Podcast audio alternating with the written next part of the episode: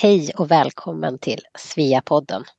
Idag intervjuar vi Anna Sefelt och vi kan utlova ett riktigt mysigt avsnitt som kommer att fylla er med energi.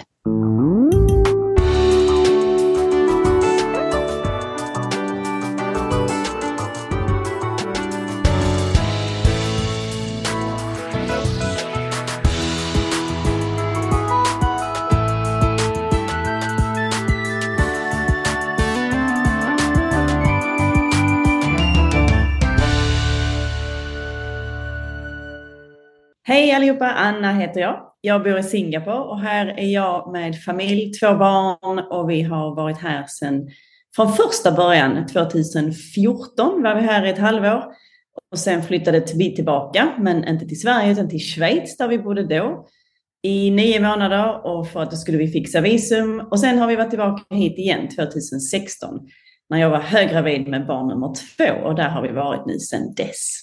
Så här är vi nu. Jätteroligt att eh, få träffa dig så här, Anna. Vi eh, är supernyfikna på hur du har det där borta i Singapore. Jag sitter i Ängelholm och intervjuar nu över Zoom och är tillsammans med Maria Borenius som sitter i Karlstad. Och så har vi dig i Singapore. Så vi måste ju höra hur vädret är först och främst.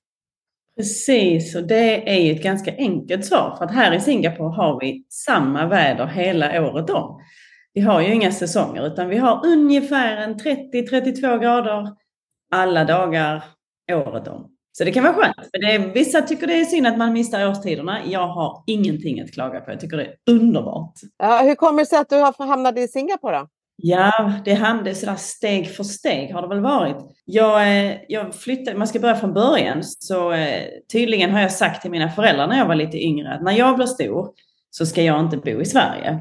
Det kommer jag själv inte ihåg, men jag tycker det är ganska kul. För sen blev jag ju äldre då och eh, ville plugga och hittade ingenting i Sverige som jag tyckte om och som jag ville göra. Betygen kanske hade lite med det att göra, det, det förtäljer inte historien. Men jag hamnade i alla fall i England. Och där bodde jag i några år tills jag träffade min nuvarande man. Och där tyckte vi, efter vi hade varit tillsammans några år, att då skulle vi bli vuxna och så skulle vi bo någonstans lite duktigare. Och då förflyttade vi oss till Schweiz som sagt. Och det var när vi var i Schweiz efter åtta år som vi tyckte att det här passar inte oss. Vi är lite för tokiga och lite för galna för Schweiz tror jag. Vi är inte riktigt så präktiga.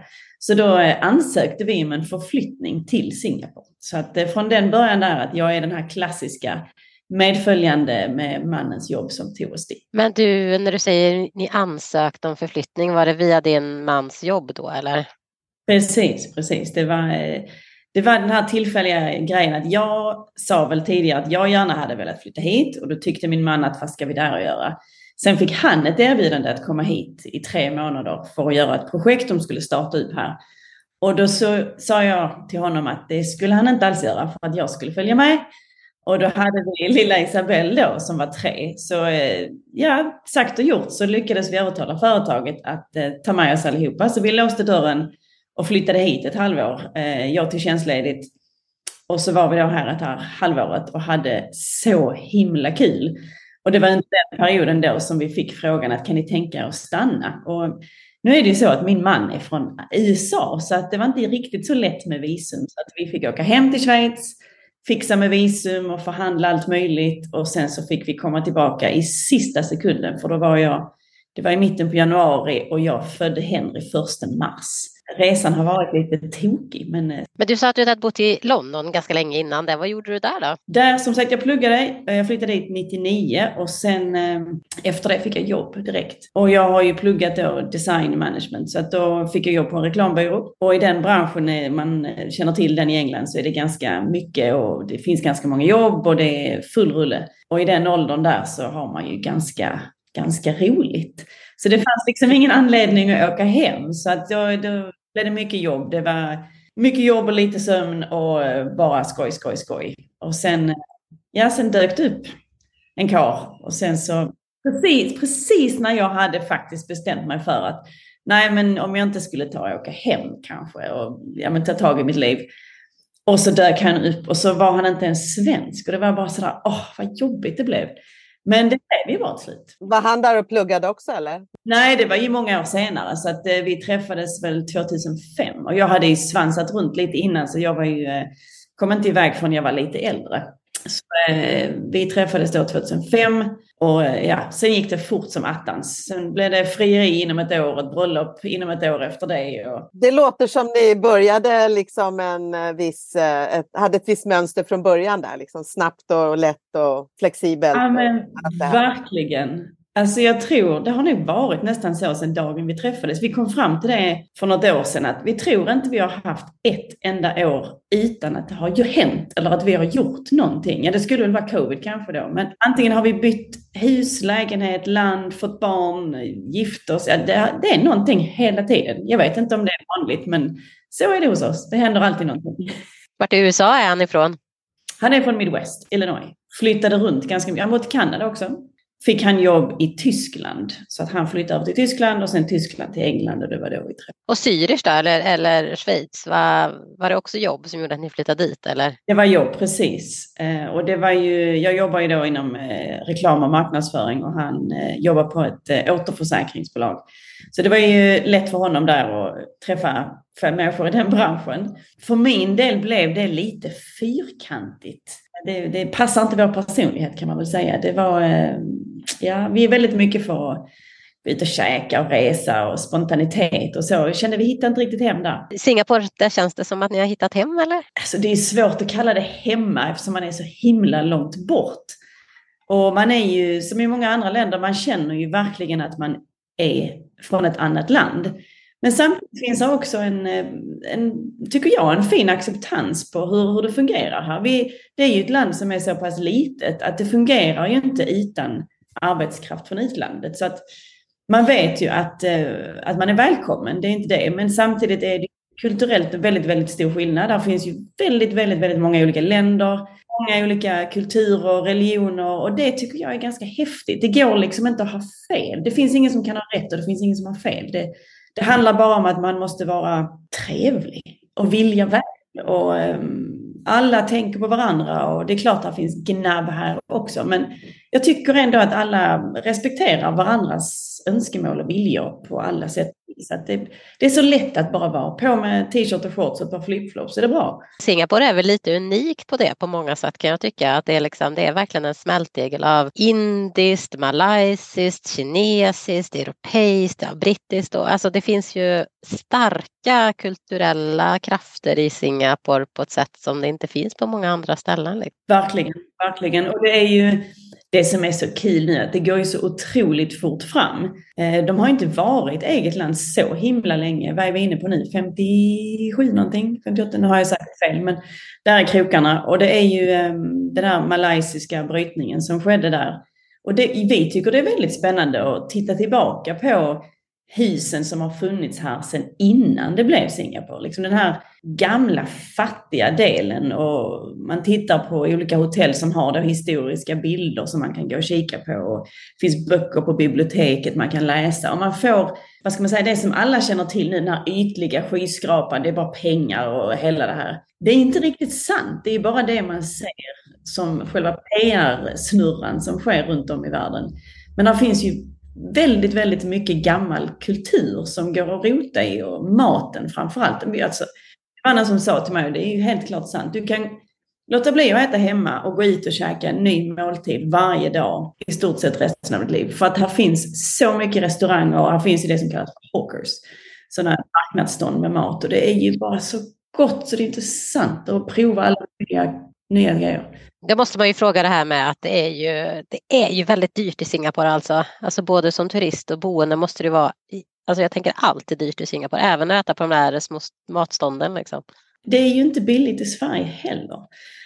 Vi brukar jämföra lite grann till Sure. Om du hänger nere på stan där turisterna hänger och man går på en, ska man kalla det en vanlig västerländsk restaurang. Ja, men då kniper det till i plånboken. Det är ju helt klart sant. Sen så finns det ju också väldigt många restauranger här som det inte finns på många andra platser som är väldigt, väldigt hög kvalitet. Alltså bra kockar, bra mat, fantastiskt om man nu vill utforska den delen och då får du ju betala för det du får också. Men har man då dagar som, vi pratar om det här med hawkers, alltså du kan ju gå på sådana ställen och käka för typ 25 kronor. Liksom. Så att det, är inte, det är ju bara var du hamnar och vilken, vilket område du är i och vad du köper för någonting. Det jag tycker också är så häftigt här att det märkte jag faktiskt, jag var hemma nu för inte så länge sedan, att i Sverige äter man så vansinnigt mycket kött. Och jag är långt ifrån vegetarian, inte alls, men jag blir ändå väldigt förvånad över att det är så köttbaserat. Men här äter vi otroligt mycket mer frukt och grönt. Alltså jag skulle säga varje måltid är det mer fokus på frukt och grönt först. Och sen kanske man lägger till någonting då om det nu är kyckling eller fisk eller kött eller vad det är. Precis, det är så vi försöker att träna nästa generation här. Jag undervisar i hemkunskap och det är ja. inte lätt kan jag säga. Men det är så vi säger att vi måste ändra om tankesättet där lite grann. Ja. Ut, utgår inte alltid ifrån proteinet så att säga, från köttet. Nej, precis. Här tycker jag man utgår snarare ifrån vilken typ av smak man är ute efter. Vill man ha någonting som är spicy eller sött eller vad vill man ha? Ja, ska det ta lång tid att göra? Och det är, man har ju helt andra ska man säga, historia här med kryddor och grejer. Och det finns ju inte riktigt i samma utsträckning i Sverige. Eller det finns ju såklart, men du måste ju veta vad du letar efter. Nej, men jag tycker det börjar bli bättre ändå faktiskt. Du kan väl berätta hur eh, din vardag ser ut? Jo, men jag har ju min egen lilla byrå då. Jag, eh, jag driver en um, brandingfirma, varumärkesprofilering som det så fint heter på svenska. Eh, den startade jag precis innan covid hände. Och eh, det gav den en sån här kick för att alla var helt plötsligt online och närvarande och behövde hjälp. Så att det satte fart med en gång. Så att det driver jag nu. Eh, vi är ett gäng olika partners som jobbar tillsammans och eh, jobbar delvis hemifrån men har även en plats på ett sånt här eh, hotellkontor tror jag det heter. Eh, och där ehm, träffar man ju såklart både kunder och partners och kollegor och allt vad det heter. Så det är väldigt blandat. Så att vardagen kan man väl säga, det är frukost på morgonen, barnen åker skolbuss till skolan och sen eh, antingen sticker man iväg till jobb eller så loggar jag in. Så är det lite möte, lite samtal och lite sådär. Sen så beror det väl på lite grann vilken dag i veckan det är. Det är ju lite aktiviteter och grejer. Så är jag hemma så hänger jag med. Är jag inte hemma så hänger jag ju såklart inte med. Ehm, sen är det väl mycket, det är, ju, det är ju varmt här. Det är ju så. Så att det är inte riktigt samma som det kanske är i många andra länder. Att man sticker iväg och spelar fotboll resten av eftermiddagen eller man sticker iväg och ut och cyklar hela dagen eller något sånt där på helgen. Det, det orkar man inte riktigt. Så man får göra saker lite mer i små snuttar. Så det kör man då, så vi har ju lite eh, fördelen här att det finns ju många som har då pool. Nu bor vi i ett hus så vi har ingen pool, men om man bor i en lägenhet så har man oftast pool där då.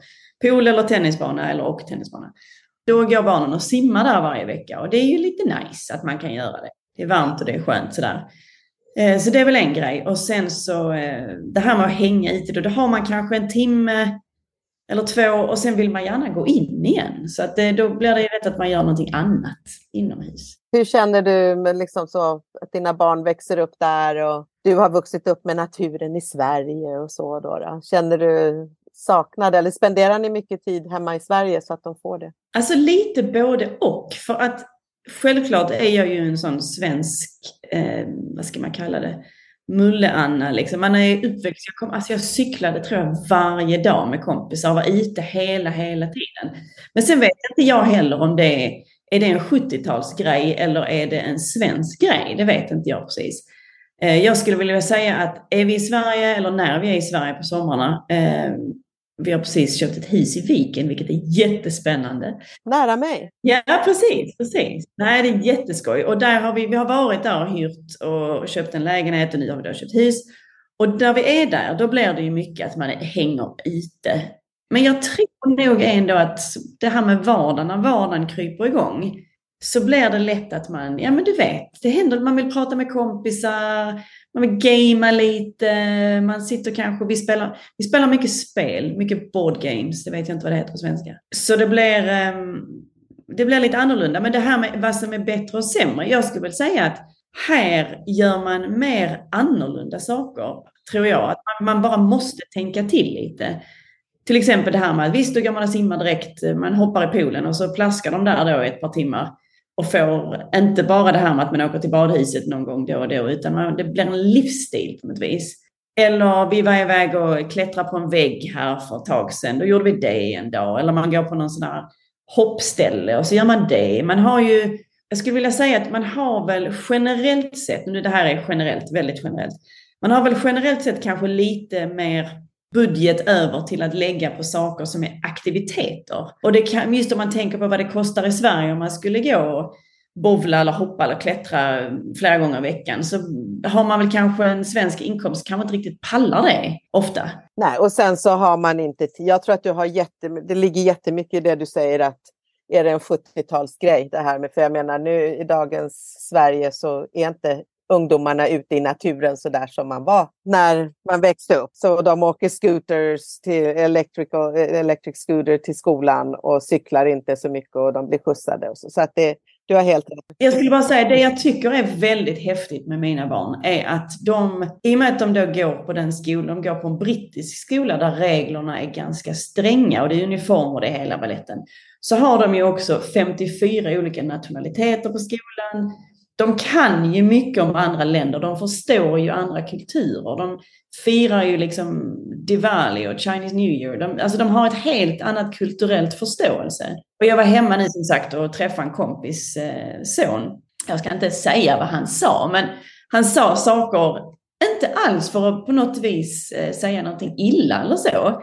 Men någonting som mina barn skulle aldrig kommentera en sån grej. Just kulturellt hit eller dit och en, en helt annan förståelse för vad som kanske kan vara rätt eller fel, vad som gäller just kulturellt. Och det tycker jag är ganska häftigt. Det är ju när man, för att de har träffat alla de här kulturerna. Exakt. Och de som har gått kanske då hemma i skola i Helsingborg eller Ängelholm där jag bor eller så hela sitt liv och föräldrar som har gjort samma sak. Då är det ju svårt att veta någonting om de där andra kulturerna för de, man har aldrig träffat någon. Men, och jag, jag håller med dig, det är underbart när man är lite upplyst och är lite vidare i sitt syn. Ja, det var häftigt. Det var häftigt. Och det var just det där att, de, att man inte blandar ihop olika länder eller olika kulturer, utan man faktiskt förstår vilken måltid som tillhör vad, vem och bästa kompisen, en är från Indien, en är från Japan och en är från eh, Indonesien. Och, ja, men det är häftigt. Ja, det är det verkligen.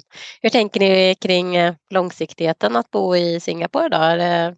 Kommer ni stanna där under en tid framöver eller vill ni vidare? Alltså just nu stannar vi. Vi trivs väldigt, väldigt bra. Barnen trivs superbra. Är det ju så att min man har blivit svensk. Så eh, han har blivit svensk medborgare. Så att planen är ju att flytta till Sverige och inte till USA. Vilket kanske många ställer sig frågan, varför då? Men vi känner lite grann att vi, vi har en starkare tillhörighet till Sverige. Han eh, pluggar svenska, tycker väldigt mycket om Sverige, tycker väldigt mycket om Skåne. Eh, framförallt barnen då såklart. Och jag har väldigt många barndomskompisar kvar som jag träffar regelbundet. Och barnen har då kompisar i deras barn. Så vi har ganska starka band. Så förr eller senare blir det att vi flyttar dit. Men om man nu ska berätta den planen där som kanske inte alls blir av. Men eh, tankarna går lite grann i att vi väntar till Isabella har gått färdigt skolan. Mm. Där känns det som att där har vi ett ganska snyggt glapp. Att kanske prova någonting annat. Kanske inte Sverige, men i alla fall Europa. Då får ju såklart lillkillen då hänga med som en svans. Um, så får vi se vad som händer. Men det finns ingen anledning varför vi inte skulle kunna stanna här hela vägen. Det, det, vi har inte riktigt känslan att vi är färdiga här har inte infunnit sig. Medan vi är inne på det då, då, så kan, har du några tips när man kommer till Singapore? Jag har aldrig varit där. Jag måste ju åka dit. Vi har pratat om det förut, Maria och jag. Och så här. Berätta, vad ska man göra? Först ska man höra av sig till mig. så ska jag hjälpa till. Eh, nej men du har ju helt rätt. Man läser ju de här, åk till Singapore och hälsa på, så har man ju de här klassiska Marina Bay Sands, den här båten då Eh, den känner ju de flesta till. Och Raffles Hotel är väl någonting som också är, tycker jag, ganska häftigt eftersom det är just så historiskt. Eh, gå dit där och kanske inte just ta den här Singapore Sling, det kan man göra det också. Men där finns en, eh, en annan bar som ligger inne som heter Writers Bar. Och den är väldigt fin och liten och mysig och de har väldigt bra cocktails. Man, jag skulle väl säga att åka till ställen som inte finns på kartan, kanske åka lite mer västerut till eh, ett område som inte man kanske skulle veta riktigt vad det är. Alltså det som är kul med Singapore är att här är ju så otroligt säkert. Du kan inte bli lurad av en eh, taxichaufför. Eh, det är lagstyrt så att det, det, finns liksom inte på kartan. Du kan hoppa in i vilken taxi som helst och det är eh, meterna där och du kan betala med kort. Du kan betala, eh, oftast inte kontant nu längre, men generellt så kan man åka precis var som helst, hur som helst via appar och grejer och behöver aldrig tänka på att man behöver vara rädd. Och jag, barnen åker taxi här själva. Och de är ju så pass små. Det är, liksom, det är häftigt. Åka till ställen som, eh, där finns ju olika sådana här naturreservat där man kan eh, fiska och man kan, där finns, man kan göra keramik, eh, vad heter det, skålar och sådär som är handmålade och titta på saker som är Alltså jag är ju mycket för det här med kulturella grejer. Jag tycker ju det är häftigt. Gå på något museum och verkligen titta på hur det såg ut här förr. Så att man får en förståelse för vad det hela handlar om. Så att det inte blir det här Sure, går du till Orchard och shoppa liksom? Ja men visst gör du det, det är väl kul. Men det är inte riktigt det kanske som det handlar om alla gånger. Ta, det är lätt att man, det är stort, alltså det är ju, shoppingen här är ju vansinnigt stort. Så du kan ju spendera en hel vecka och bara gå i nya butiker, absolut. Men frågan är om det är därför man kommer hit. Jag skulle säga testa botten av ett sånt här riktigt local hawker och gå någonstans där du känner att du knappt vågar vara. För även de ställena, du, att bli matförgiftad, det sker liksom inte heller för att det är också reglerat. De går och testar hela tiden, de har A eller B på väggen, då har de blivit renlighetstestade eh, så att inte det då ska finnas ohyra och grejer. Vi har aldrig råkat ut för någonting på åtta år och ingen vi känner har råkat ut för någonting. Det var ett fall av matförgiftning från en restaurang ja, det är klart matförgiftning händer ju så, men just hygienmässigt på ett sånt här marknadsstånd har vi eh, aldrig hört talas om. Så jag skulle testa en sån, en riktig, riktig basic och sen hade jag gått på en, eh, en kinesisk och en malaysisk och en indonesisk restaurang. Och så hade jag eh, tittat på menyn och tagit mig tid att lära mig skillnaden. Så att man åker hem till Sverige sen och så går man på en sån här vad heter det, asiatisk buffé. Så, så, så, vet man liksom vad saker och ting hör hemma. Det tycker jag är ganska skoj. Absolut. Ja, det var jättebra tips verkligen. Och för som du säger, i Singapore har man ju möjligheten att få de här autentiska upplevelser från malaysisk mat utan liksom, och kinesisk och indonesisk och så vidare i, samlat på ett och samma plats på det sättet.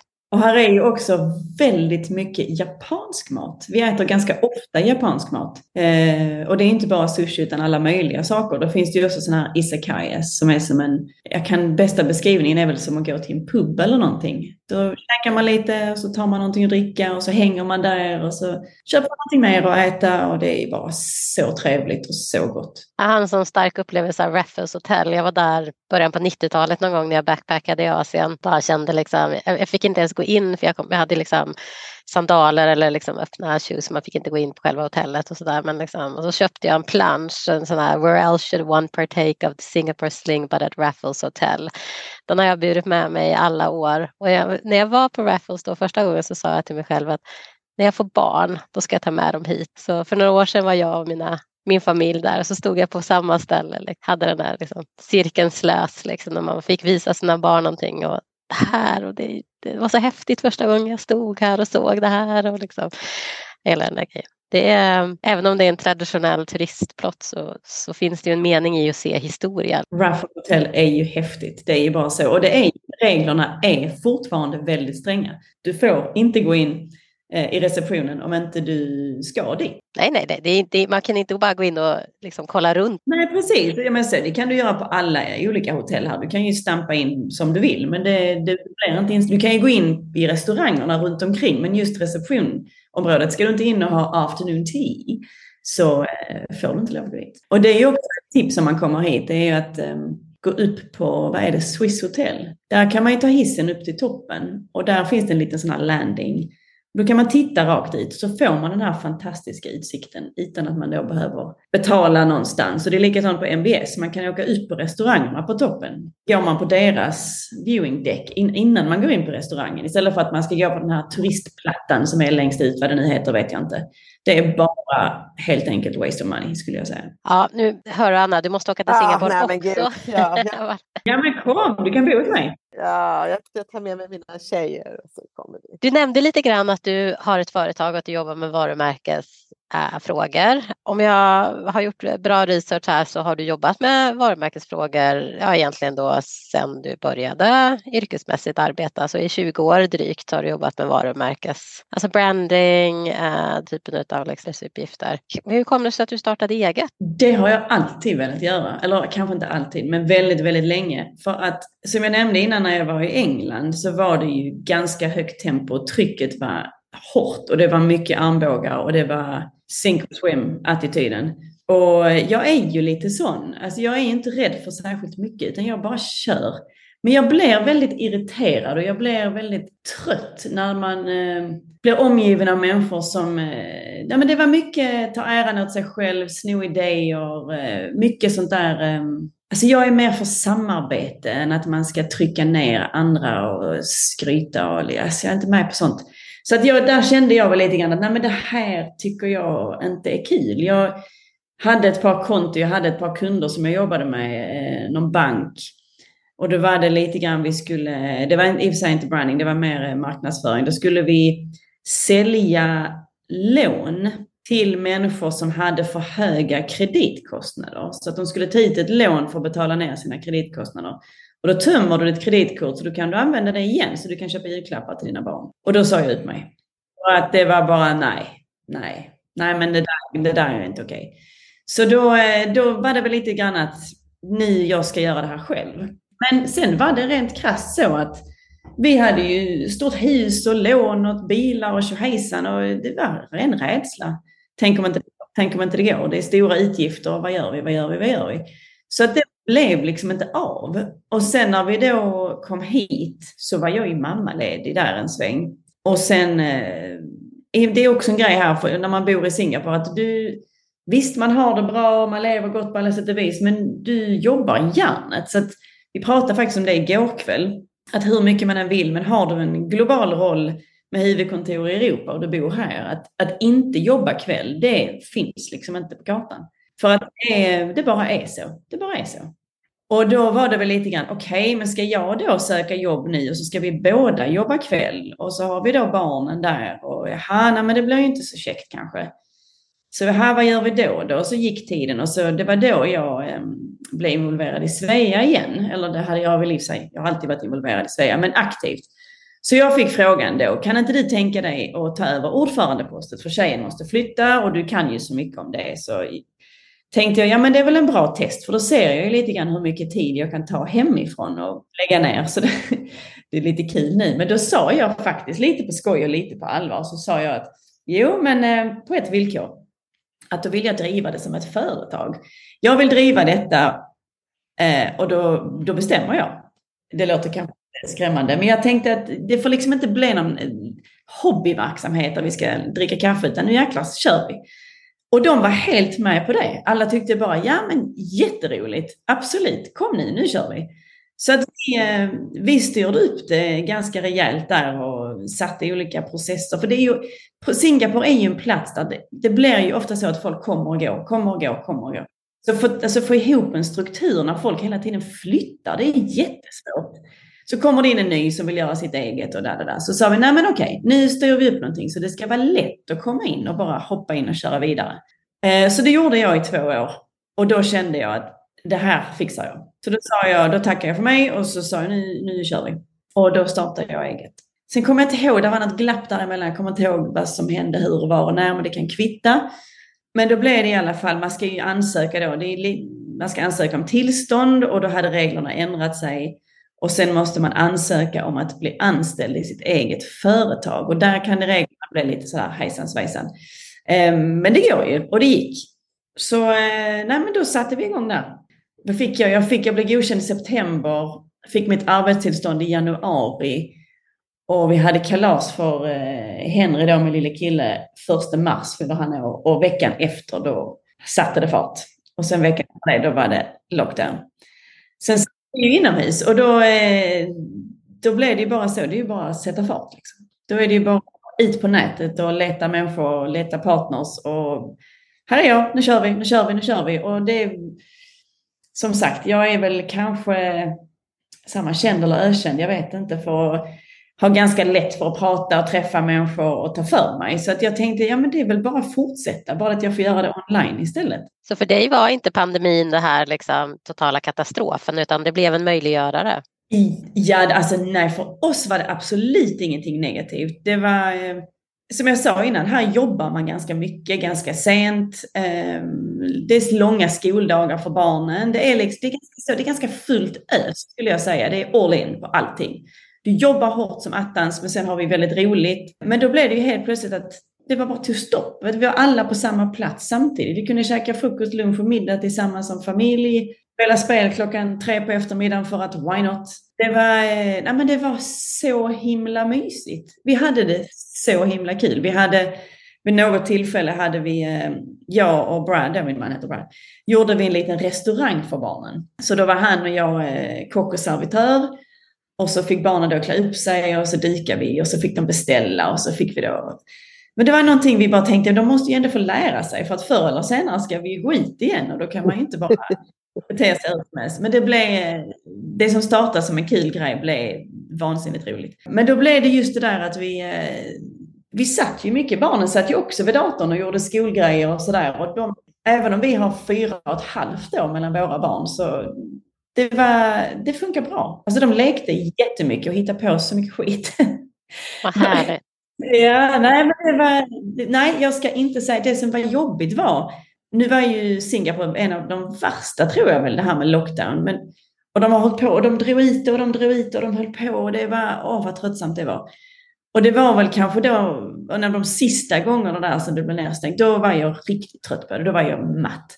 För då hade i stort sett hela världen gått vidare vi. Och då... Inte Kina där jag bodde heller kan jag meddela. De gick ja, inte vidare. Nej. Nej, nej och det, är sådär, det, det, det, var tufft. För då kändes det som att nu, nu räcker det. Och då vet jag att då åkte jag hem. Pappa hade trillat. Pratade med mamma och pappa och så sa jag då, nej men alltså hur går det? Ja, jo men det går väl bra. Och det kände jag hela, hela kroppen att det här, jag vill hem, jag vill hem. Så då gjorde jag hela den här, vet man skulle testa sig och jag skulle resa dit. Men ingen karantän där. Och jag, men jag behövde göra karantän på tillbaka då. Så då var jag hemma i, ja vad blev det, två och en halv, tre veckor någonting. Så det blev ju nästan en månad utan att man kunde liksom röra barnen och sitta och titta på varandra genom dörren där bara, eh, hej ni får inte komma in här. Man kunde göra karantän hemma. Men eh, jag fick då inte vara i samma rum och då ringde de mig via Facetime för att kolla att jag inte var på samma plats som barnen eller som familjen. Så det var ju helt knas. Ja, pandemin, knepig tid alltså på många sätt och vis. Alltså, verkligen. Ja, men det var, det var knasigt. Men från företagets sida sett så eh, det tog en riktig fart. Kul! Du vet väl om att du nu kan söka Sveas stipendium för 2024? Varje år delar Svea International ut tre stipendier på 15 000 US dollar vardera. Ett litteraturstipendium för forskning inom det svenska språket, litteraturen och kulturen.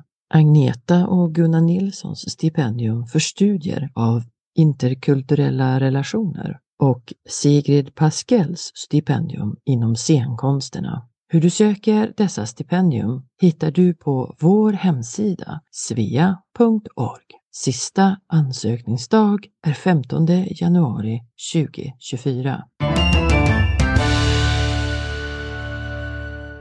Om jag förstår det rätt, eller när jag läser om ditt företag, så jobbar du ju bland annat med ja, med nystartade företag, individer, entreprenörer som har en idé eh, kring en produkt eller en tjänst som de vill sälja. Men det kan ju vara så att man har sin kompetens inom andra områden men inte själva det här varumärkesbyggandet och, och ja, hur, hur, man ska vara tydlig med vad man säljer och vad man kan erbjuda. Att tänka efter lite grann innan eller tänka i form av vad gör oss unika? Eh, vilken känsla vill vi förmedla? Är det liksom, hur, hur ser dina tjänster ut mot företag? Hur, går, hur jobbar du med företag i de här frågorna? Det är ju en process på sätt och vis. Det är väl oftast, jag skulle säga det är väl en del av dem är start, nystartade företag. Och den andra delen, eller tre egentligen, den andra delen är väl de kanske som har varit igång ett par år och som känner, de började kanske då, nej men jag vill starta eget, se hur det går. Och så vet, svänger man ihop en egen liten logga och så sätter man fart och sen så inser man då efter ett par år att nej men oj, jag har ju ett företag, det går ju bra och det här, jag måste ju ta det här på allvar. Och då börjar man kanske se lite grann att oj, jag mm, har kanske inte riktigt koll på hur jag ser ut inför andra. Du vet, hemsidan ser lite hemmabyggd ut eller man har en logga som känns oproffsig och sådär. Många av dem kommer i kontakt med mig och känner då att, vet du vad, jag känner att jag svamlar lite. Jag har jättemycket att göra på jobb, jag har många kunder, men jag känner att jag måste förmedla att jag faktiskt är professionell nu. Det är inte bara ett hobbyföretag, utan det här nu kör vi. Att ta nästa steg. Exakt. Och då pratar vi mycket och går igenom det här som du nämner. Att vad är det du vill att dina kunder ska se hos dig? Vad är det du vill att, vad är det för bild du vill förmedla? Vad, vad är det för värderingar du har som företag? Tittar mycket på, det är mycket så nu att när du väljer en produkt eller en tjänst så väljer du oftast med lika mycket hjärta som hjärna. Får du ett bra intryck och du känner att du litar på någon så är det ju värt så mycket mer än att någonting kanske kostar mindre pengar. Eller att du vet att man pratar om, eh, eh, vi ska precis nu göra lite renoveringar och då tittar man ju på rekommendationer på vad som är, vad, vad de har gjort tidigare och man tittar på hemsidan, man, ja men hur ser det ut? Då vill man ju se någonting som är konsekvent igenom. Och det, det är nummer ett, konsekvens, det är ju definitivt, där börjar vi. Och sen tittar man ju på typsnitt och färger, man förmedlar rätt känslor då hos kunderna så att de vet, är det en människa som, som jag känner att jag har synergi med? Alltså är vi på samma plan? Då skapar vi det här då, vilket är det jag gör framförallt och det är den här varumärkesstrategin. Vem är du? Vad vill du förmedla? Hur känner du? Vad har du för röstläge när du pratar i skrift eller när du träffar dina kunder, när du skickar en faktura? Ska det vara en faktura som ska kännas lite klämkäck och lite hej hej, här kommer jag. Eller ska det vara lite mer advokatkänsla att det här är på allvar? Det syns direkt om det inte håller ihop. Där måste man ha en röd tråd som fungerar rakt igenom. Och har man då den här strategin då som jag dokumenterar via intervju, diskussion, olika arbetsuppgifter så skriver vi ihop ett manifesto som jag kallar det. Att man har det som en, en manual helt enkelt. Som du varje gång du skriver en text till din hemsida eller du skriver en, eh, ett inlägg på sociala medier eller vad det än är. Att du hela tiden tänker efter. Vem är det? Det glömde jag ju säga. Målgruppen är ju det absolut viktigaste också. Vem är det du pratar med? Väldigt, väldigt ofta, det, om ni tittar efter så ser man tydligt, man har sociala medier är väl det lättaste, och man ser ett företag som inte riktigt har koll på vad de gör.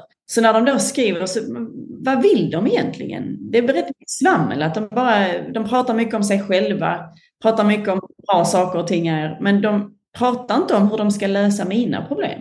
Ett inifrån perspektiv. Precis, så att man ska ju titta på sin målgrupp. Jaha, vad har de för problem i sina liv? Eller man kan ju skapa ett problem om man till exempel jobbar med en skönhetsprodukt. Vad är fördelarna med produkten? Okej, okay, vilket tillfälle är den fördelen bra för den kunden? Då skapar man då den här situationen att om du hade varit så här, om du känner så här, skulle det inte vara bättre om de här grejerna, att man då hittar, eh, att du då identifierar de problemen som kunderna har och fokuserar på den exakta kunden. Så vi skapar ganska ofta det som vi kallar eh, avatars. Det är eh, små eh, fiktiva personer där man helt enkelt skriver upp namn, ålder, demografi, vad de tycker och tänker, var hänger de, vad gör de? Och så använder man då de här. Så varje gång du skriver någonting så tänker du på, skulle den här personen tycka om detta? Skulle den bli nöjd om de hörde detta? Och på så vis hittar du ett mycket, mycket smalare spår i allt du gör. Så att när du letar efter din målgrupp så hittar du ju rätt så himla mycket fortare. Än att man säger ofta, ja men eh, kom, och, kom till oss för att vi är den bästa här i stan. Jaha, tycker du ja, men det kanske inte jag. Medan Kommer du till oss på lunchen så kan du få takeaway, vi levererar till ditt kontor inom 15 minuter. Ja, men det är ju det, är ju det som är intressant för mig. Ja, det behöver jag. Hur är företagsklimatet i, i Singapore? Jag tänker, hur hittar du dina kunder? Är det inom en expatmiljö eller är det, är det lätt att vara nyföretagare i, eller företagare i Singapore? Både och skulle jag säga. Jag, nu jobbar jag ju mycket med partners, alltså jag jobbar ju mycket med designers, copywriters, fotografer och så vidare. Eh, så vi hjälps ju mycket åt att hitta kunder till varandra. Det är ju nummer ett. Eh, men vi är ju alla då expat som vi kallar det. Eh, vi är ju alla utlänningar. Det är väl, jag skulle säga, jag har ju en del kunder som är lokala som man då träffar. Jag skulle nog vilja påstå att en stor del av kunderna kommer från nätverkande. Att man helt enkelt är ute och träffar människor på olika typer av events, föreläsningar och så vidare och så vidare och bara visar upp sig och pratar med folk syns helt enkelt. Den, där finns ju väldigt många byråer av olika slag, stora reklambyråer, brandingföretag, men även också små, kvaliteten därefter i samma utsträckning.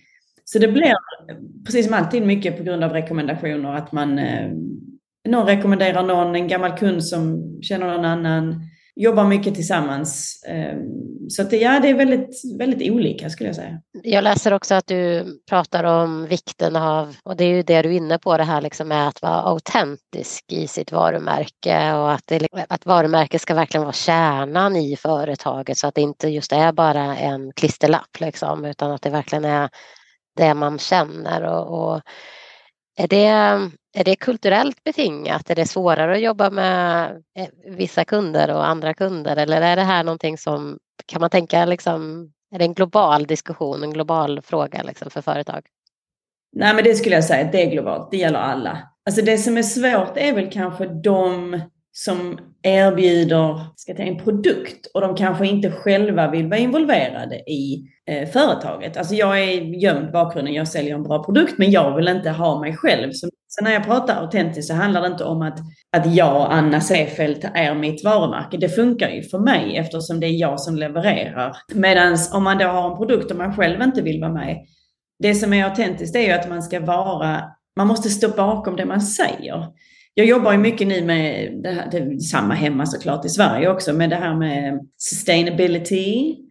Och det vill ju alla ni Hållbarhet, ha. ja. Hållbarhet, precis, tack mm. för den.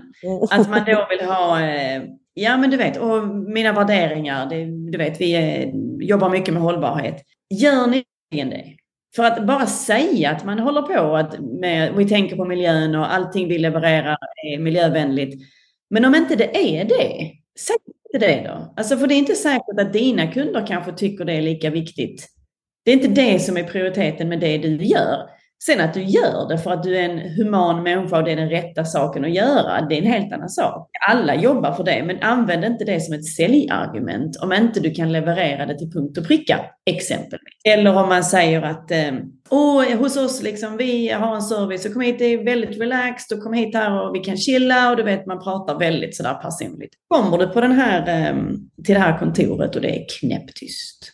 Där sitter en reception som välkomnar mig. Goddag, hur kan jag stå till tjänst? Det funkar ju inte. Du måste ju, du måste ju från första punkten när du pratar med en kund känna att du har med den kunden hela vägen. Från att du ser en annons till att du lyfter luren, till att du besöker, till att du får en uppföljnings-e-mail. Tack för att du kom till oss eller vad det nu Du måste hitta rätt tonläge så att det är konsekvent hela vägen igenom. Annars så blir det ändå förvirrande och då kommer de inte tillbaka. Och det är så viktigt och bara för att man startar företag så är man ju inte bra på allt. Alltså, liksom det, du fyller ju en jättestor roll där. Hur länge har du varit med i Svea? Det är länge, 2007, så att det är ett tag. Och vad började du med? Vad var det jag gjorde där? Jag träffade en tjej i London som nämnde det här med Svea. Eller jag hade sett, så var det. Jag hade sett en liten plansch på kyrkan för jag var med i kören där. Och då pratar folk om Svea och eh, såklart, som alla andra alltid, har lite förutfattade meningar. Fattar inte riktigt vad det handlar om. Men träffa då en tjej som var med i Svea, så men häng med. Vi behöver lite folk så att du kan hänga med oss. Ja, det kan väl vara kul för jag redan från början, det här är faktiskt ganska parentes. Från dagen att jag flyttade från Sverige så har jag aldrig riktigt hängt med svenskar. Jag har alltid haft utländska kompisar. På skolan hängde jag aldrig med skandinaverna. Så jag har aldrig riktigt varit i de svenska gängen var jag än har befunnit mig. Och sen med Brady-bilden har det blivit ännu mindre. Så i alla fall, så den här svenska tjejen då kom fram och så sa hon, häng med oss. Jo men visst, sure. Så får jag öva lite svenska också, så det är bra. Och då, precis som det ofta sker, man träffar en människa och ja men vi behöver en redaktör och vi behöver någon som jobbar med lite grafik och vi behöver någon som, ja men ni vet. Och eh, det är ju bara kul, det är det som är grejen. Så att jag hängde med där. Och det slutar med att det var, jag, vad gjorde jag inte? Eh, det mesta. Jag gjorde mycket, det var väl mycket redaktion, det blev mycket tidningen, eh, lite allt möjligt. Skoj. Vi hade väldigt, väldigt roligt. Och jag tänker på, Svea är ju också ett varumärke som du var inne på, som också är förknippat med känslor och man får ju man hör ju folk prata om Svea på lite olika sätt. Vissa pratar om det som en organisation som, som känns, det var någonting som man var med i förr. Eller så hör vi de som pratar om Svea är liksom det bästa som har hänt, det viktigaste i hela mitt utlandsliv eh, har varit mina vänner jag träffat via Svea och de uppdrag jag gjort via Svea och så. Svea har ju också en massa känslor förknippat med sig liksom. och det är ju inte så att vi vet bäst som, som jobbar med podden här, men om, eller vi som sitter här kanske, men vi tänker ju ändå att vi vill att Svea ska utvecklas och fortsätta vara någonting som tilltalar kvinnor framåt liksom, så att det blir en en organisation som växer och som, som också är relevant om 10-20 år. Liksom. Jag startade ju 1979 i Los Angeles och det är ju några år sedan. Det var ju Agneta Nilsson som startade den. Hon hade bott i Los Angeles sedan 1961 så det dröjde några år innan hon liksom kände att nu vill jag ha någonting annat. Jag tycker vi gör, vi formaliserar det här på något sätt. Och hennes drivkrafter var ju just det här med att hon ville informera om Sverige till sina amerikanska vänner. Hon ville liksom bjuda på svensk kultur på något sätt och, och visa vad, vad som är typiskt svenskt. Få möjlighet att prata mer svenska som du själv nämnde där liksom. Och, och, hålla de här svenska traditionerna vid liv. Liksom. Och det är ju många av oss utlandsboende som, som skulle säga, det är de här sakerna som känns viktiga liksom för oss. Och hur, tänk, hur, hur tycker du man ska tänka liksom sådär Svea i framtiden? För mig är väl sve... alltså visst jag tror man är på väg någon annanstans. För att jag tror det började också då, jag kommer ihåg första gången jag åkte till Thailand, då kunde man inte, hade man inte mobiltelefon, då fick man ringa sådana här collect call hem en gång i veckan. Och det måste vara, alltså bo i USA då på 60-70-talet, alltså vadå kontakt med Sverige, godnatt, brevvägen. Liksom. Eh, så jag kan väl tänka mig lite grann att Sveas funktion idag är lite annorlunda. Jag tror för min del, och jag tror många som jag känner världen över som har varit ute länge, som inte planerar att åka hem, är ju Svea en fast punkt som alltid finns där. Nu har jag varit med i Svea både i London och i Zürich och så nu här i Singapore. Och de vännerna som jag känner däremellan och de kontakterna jag har fått och de jobben jag har fått och de människorna som har hjälpt mig när någonting har hänt, och det, så, det går ju liksom inte att ersätta med någonting annat. Alltså, du visst, alltså det är klart, det, nu har du ju hela internet och det finns ju massor med olika nätverk och hit och dit kors Men det finns ju ändå någonting med att stabiliteten i vad det är och att du har den här starka anknytningen till folk i Sverige. Att när du sen åker hem så vet du att det finns ett gäng. Jag satt och pratade med någon, jag kommer inte ihåg vad det var, det var något annat Svea-möte. Eh, då var det tjejer från, som sitter i Helsingborg. Ja, när du kommer hem, du får ju hänga på så hittar vi på någonting. Aldrig träffat människan. Självklart kommer jag göra det. Det är ju, tycker jag, det häftigaste. Men, som du och jag, Anna, träffades för, vet inte hur många år sedan. Och träffas då en gång sedan dess och bara, nej men vadå, hej hej, det är klart vi känner varandra.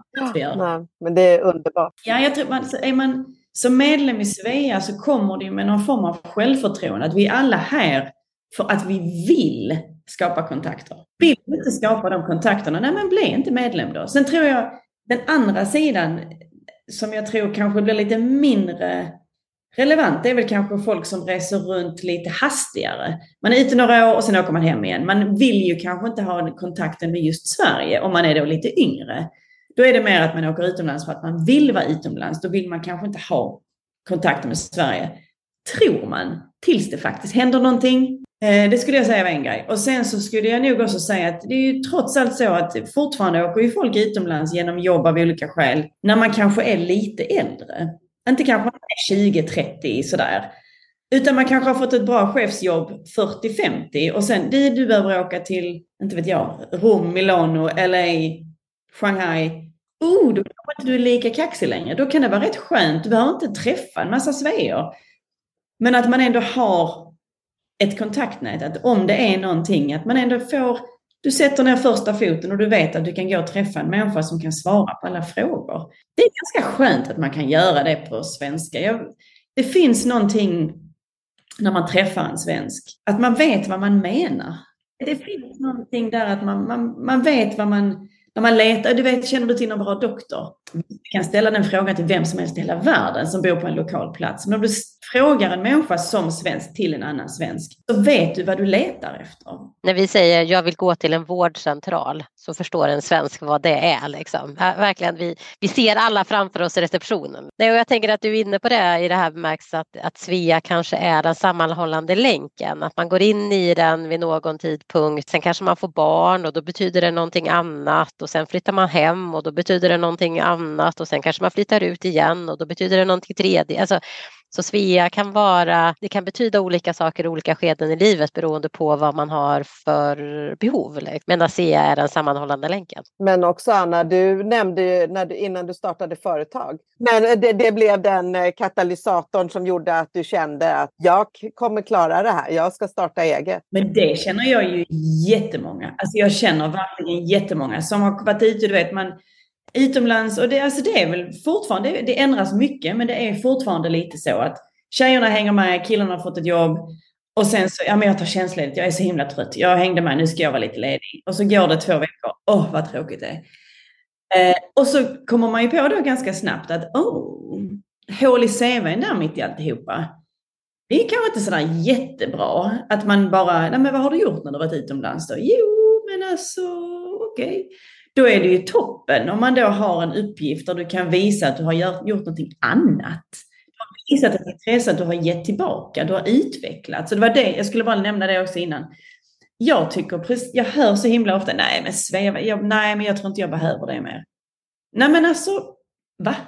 För min del, alltså jag är så lojal så jag vet inte vad. Du har väl lika mycket plikt kan jag tycka, om du har varit utomlands länge, att vara medlem och ge tillbaka allt det du har fått under alla år och alla möjligheter, alla vänner och allting. Är det inte ni dags då att vara kvar och faktiskt vara den som svarar på frågor och dyker upp på de här enkla arrangemangen ibland för att ge tillbaka? Det kan jag tycka fattas lite. Att man inte... Att det är så lätt att bara ta från Svea och tycka det ena och det andra, ha en massa åsikter. Men det är lika lätt att känna, nej men nu ska jag faktiskt ge tillbaka. Det, det, tycker jag man kan bli lite bättre på. Det tycker jag också. Och jag håller med dig om det att Svea är ju en, en, en, organisation där nästan allting är möjligt att göra om man har en, en idé. Så det är ju en flexibilitet eh, och vill man som jag och Anna då jobbar med en podd till exempel så får man göra det. Vill man skriva en tidning så får man göra det. Vill man ha en bokklubb så gör man det. Och det finns liksom egentligen inga begränsningar så oavsett vad man har för önskemål och behov så har ju Svea ett jättebra liksom, en möjliggörare verkligen. Så det är ju en eh, det är något mellanting mellan liksom det privata och, för, och liksom ett jobb. Någonstans mittemellan ligger ju Svea. Liksom. Det är både kompisar men det är också någon typ av professionalisering i det. Precis. Vi träffades, jag vet, jag har aldrig varit med på det. det vet inte varför, men det intresserar inte mig. De har flera olika matlag. Så då är man med i ett matlag, då åker de runt till varandra då. Ena veckan hos den ena och sen den andra och sen den andra. Så träffas man då socialt och så har de trevligt.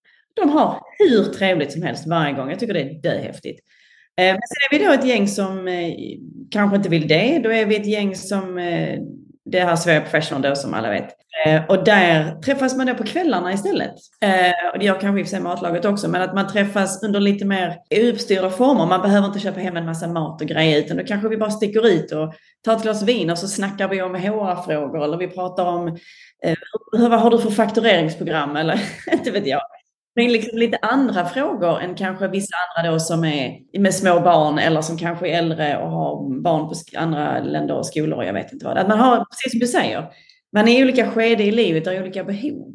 Ja, nej, men det här blir ju, det är ju det viktiga med att, att Svea når ut med att vi har en jättestark och viktig historia men vi har också, vi är en väldigt eh, liksom, här och nu och framtida liksom, form att, eh, att organisera oss också. Eller, kommunicera det är ju utmaningen och möjlighet, möjligheten för Svea. Liksom. Det är ju svårt, det kan bli lite mycket ibland att kommunicera allt till alla. Ehm, jag vet inte heller svaret på den svåra frågan, men jag tycker alltså bra förändring nu. Jag tyckte den nya hemsidan, jag tycker den är toppen. Jag tycker det känns fräscht. Man är stolt nu över det man visar upp själva varumärket nu sen det förändrades. Jag tycker de har gjort ett kanonjobb. Eh, jag tycker man, det finns fortfarande mycket man kan gå in och pilla och greja med, men det hänger ju ändå på oss medlemmar. Det är ändå upp till oss att se till att, att det blir ett bra gäng och att vi stöttar varandra och att man också, jag tror positivitet genererar positivitet. Det, det, jag pratade tidigare om mitt tidigare arbetsliv, liksom, att jag, alltså jag är nog en sån här evighetspositiv människa. Jag ser alltid möjligheter i allting. Jag är, förstår inte riktigt varför man måste, om inte man har någonting positivt att säga så är det väl bättre att låta bli kanske. Eh, och istället eh, hjälpas åt och dra fram det som är positivt. För det, det blir ju lätt att det positiva kommer lite i skymundan. När vi ändå är inne på det så tänker jag, vi brukar ju fråga våra gäster kring det här med livsmotto i slutet på våra intervjuer. Det lät ju lite grann som det var ett livsmotto där. Har du, har du någon, någon så här, någonting som du har, liksom, någon livsvisdom eller något motto som har hjälpt dig framåt i livet? Tänk att jag har det va. För att det är så himla svårt. Jag har försökt översätta det och det låter lite konstigt. Men på svenska funkar det bra. Det är inte så himla konstigt egentligen. Men så enkelt som att frågar man inte får man inte. Så det är bara sådär, man måste, man måste fråga så kanske du får ett ja som svar. Att det, jag är mycket för att man måste prova. Det är bara att titta och köra och så ser man vad som händer. Det är häftigt att du säger det. Vi har sagt det förut. Det är lite genomgående bland sådana som du som har provat på många olika saker. Och Maria och jag kanske kan räkna oss till det också, till de personerna också. Men det är just det där tuta och kör för 17. Hur svårt kan det vara? Det är inte så lätt heller. Det är lätt för mig att sitta och säga det när man är som jag är. Men jag tror att man, eh, jag tror att man om man sitter och tvekar så tror jag man ska bara ta en liten sekund och fundera på och nästan faktiskt skriva upp vad är det absolut värsta som kan hända. Men vad är också det den största möjligheten som man kan få ut av det. Och, alltså det låter så himla löjligt att säga det, men livet är faktiskt ganska kort. Att man bara går, det tror jag man som svensk är också väldigt duktig på. Att man bara väntar. Ja, men vi tar det sen. Ja, men jag ska bara. Ja, men inte ni. Ja, jag får se. Och så blir det ju aldrig av. Och det, ehm, det tror jag är jättevanligt. Det, ja, det behöver inte vara så, men det är som sagt, det passar ju inte heller alla. Mina, jag pratar mycket med min, eh, mina föräldrar och pappa framför allt, för han är definitivt inte som mig. Han, nu är jag hemma, han fyller år, eller han fyllde år, eh, fyllde 79, så mamma var iväg så jag var hemma av en slump och sa, nu ska vi fira din födelsedag, vad vill du göra? Du kan göra precis vad du vill. Jag fixar det. Oh, varför måste vi nu göra någonting? Fick jag till svar. Jag har inte firat hans födelsedag på kanske, inte vet jag, 15 år, 20 kanske eller någonting. Jag har aldrig varit på hans födelsedag. Och hade, ni kan, vi kan gå precis var du vill, göra precis vad som helst. Nej, det slutade med att vi gick på restaurangen som ligger absolut närmst där de bor, på deras lokala lilla krog. Och så tog vi en pizza och så drack han en öl och sen ville han hem. Vi är ju olika, så är det verkligen. Och, och, och det gäller ju att Eh, mötas i det där med att det är okej att inte spänna bågen mest av alla hela tiden. Men det är också okej att vara en person som vill spänna bågen och som vågar ta ett nej och att det är inte är det jobbigaste som har hänt. Liksom. Så att, eh, att, att vi är okej att vi är olika är viktigt alltså. Och göra det man själv vill framförallt. Det är väl är inte det lite svenskt? Att följa vad alla andra gör. Och man är lite rädd för vad folk ska säga. Jag träffar också, eh, här är ju, kommer ju med jämna mellanrum gäng då, som jag nämnde innan, att antingen kommer det hit tjejer som själva jobbar eller så är det väl kanske mer eh, de som antingen har man små barn så passar man på tjänstledighet och så åker man hit och så jobbar man inte. Men här är ju också ett gäng med höga chefer då Ehm, där fruarna hänger med. Och där ser man ibland att självförtroendet svackar lite. Eh, det är inte så himla lätt att flytta utomlands och man är inte så himla stöddig vad det gäller engelskan. Och inte så lätt. Ska jag vill bara ge ett litet tips som jag tyckte var så himla mysigt. Jag var på en, eh, en utbildning på Google och eh, det hette I am remarkable. Och då var en av uppgifterna där, och det är det som är tipset, att när man känner lite grann att man svajar, man har flyttat utomlands och man har hemlängtan kanske och man tycker liksom, vad ska jag göra här? Så skulle vi ta en A4-sida och så skulle vi då skriva den full med varför man då är remarkable, vad är det? Markvärdig fast på ett positivt sätt. Vad ska man kalla det? Utomordentlig. Utomordentlig, precis. Och då sitter ju då ett helt rum fullt med människor där och vi sitter och du vet, tittar på varandra och det är så pinsamt så man vet inte vad man ska göra. Säga något bra om sig själv kan man inte göra. Usch nej. Och så får man ju då börja skriva någonting. Och det som är så häftigt med det här är att när du har börjat skriva och du skriver en till och en till och en till. Sen kommer du ju på hur mycket som helst som inte, inga stora grejer, det behöver inte vara så himla speciellt, men det är ju ändå speciellt för att du har gjort det. Och när man har då fyllt den här sidan så är det omöjligt att inte le. Det är helt omöjligt att inte känna att oj, ja, ja men jag kanske inte är så dum ändå. Det är så liksom meningslös ändå. Så jag tror att det kanske känns lite emot att testa det. Men jag tror att om man känner, lite, man känner sig lite vilsen. Man känner att man vet kanske inte vad man vill och man kanske vill säga upp sig. Men vad ska jag då göra? Eller man känner, det gäller i alla lägen. Man har ju, vi har alla varit där, att man har sviktat. Och att då fokusera på allt det som man faktiskt har lyckats med i livet. Verkligen, det får vi göra Anna. Tack ja, så jättemycket för ett bra tips.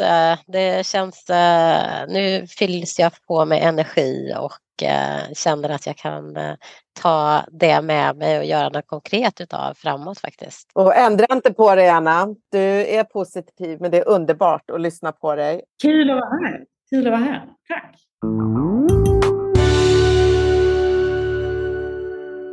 Tack för att du har lyssnat. Den här podden är inspelad och producerad för Svea International. Musiken är skriven för Svea av Fredrik Åkerblom. Alla vi som på olika sätt är involverade i produktionen gör detta som en del i vårt frivilliga engagemang för Svea. Sveapodden finns på de allra flesta ställen där du hittar poddar. iTunes, Google Podcasts, Spotify etc. Om du saknar något poddställe så skicka ett mejl till sveapodden gmail.com. Mer information om Svea hittar du på vår webbplats svea.org och i sociala medier så finns vi på Facebook, Instagram och LinkedIn och där hittar du oss som Svea International.